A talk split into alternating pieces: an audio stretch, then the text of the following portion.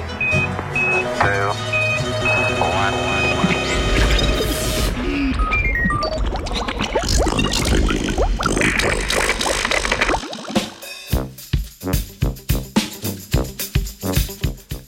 Filogenetsko drevo spoznanja.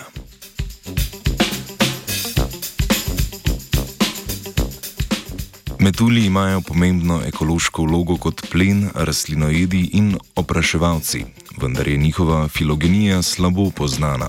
Za boljše razumevanje odnosov med skupinami lepidopterov oziroma metuljev in njihove evolucije je mednarodna raziskovalna skupina analizirala kar 2098 ortolognih genov 168 vrst metuljev. Rezultate so objavili v znanstveni reviji PNAS.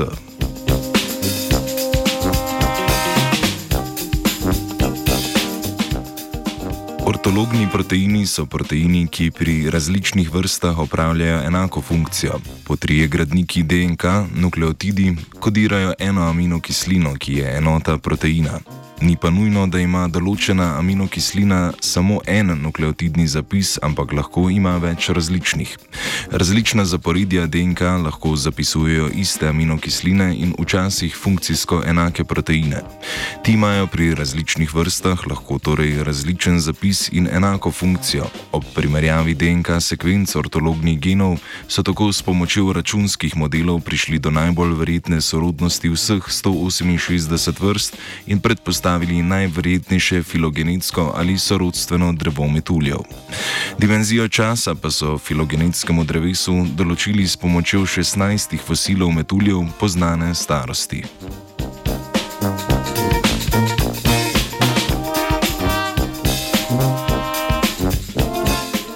Najzgodnejši skupni prednik redu Lepidoptera naj bi se po novih informacijah pojavil v poznem karbonu pred približno 299 milijoni let in pol. To so bili primitivni metulji z grizali, ki so se verjetno hranili z mahonjaki.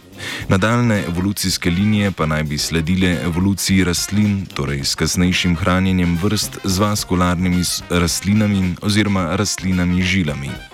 To je kasneje vodilo vse do metuljev v srednjem triasu, ki so se hranili s cvetnicami in razvili rilček. Opisano obdobje je pomenilo tudi veliko diverzifikacijo metuljev.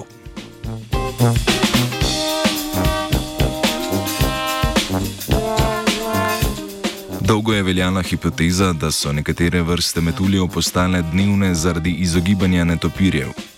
A raziskava je pokazala, da so se dnevni metulji pojavili pred prvimi netopiri, torej hipoteza ne drži in bi lahko prišlo do dnevnega načina življenja zaradi večje razpoložljivosti cvetov in s tem nektarja čez dan.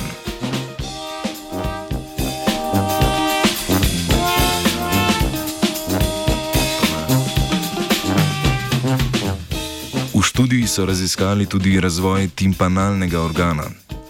Tega imajo namreč tudi nekateri nočni metulji, sicer pa je značilen za določene predstavnike žuželk. Timpanalni organ za te žuželke predstavlja čutilo za sluh. Dolgo so razvoj timpanalnega organa pri metuljih povezovali z zaznavanjem plenilcev netopirjev.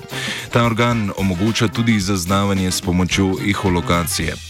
V raziskavi so pokazali, da naj bi se slušni organi pri nočnih metuljih neodvisno razvili devetkrat zapored, štirikrat v skupinah z izvorom v pozni kredi pred okrog 91,6 milijona let, torej konkretno pred pojavom eholokacije pri netopirjih.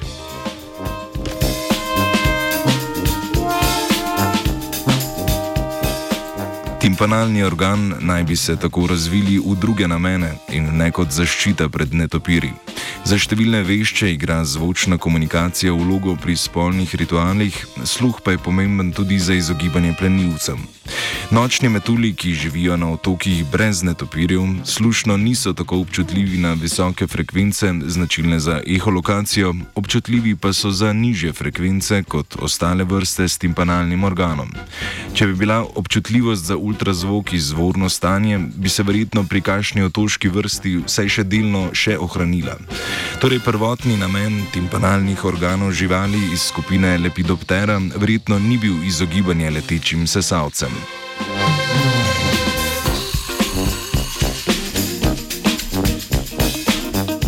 Svoje timpanalne organe je poskušal osmisliti luc. Lahko pa tako naredimo, kao. To je bil zdaj odvizo.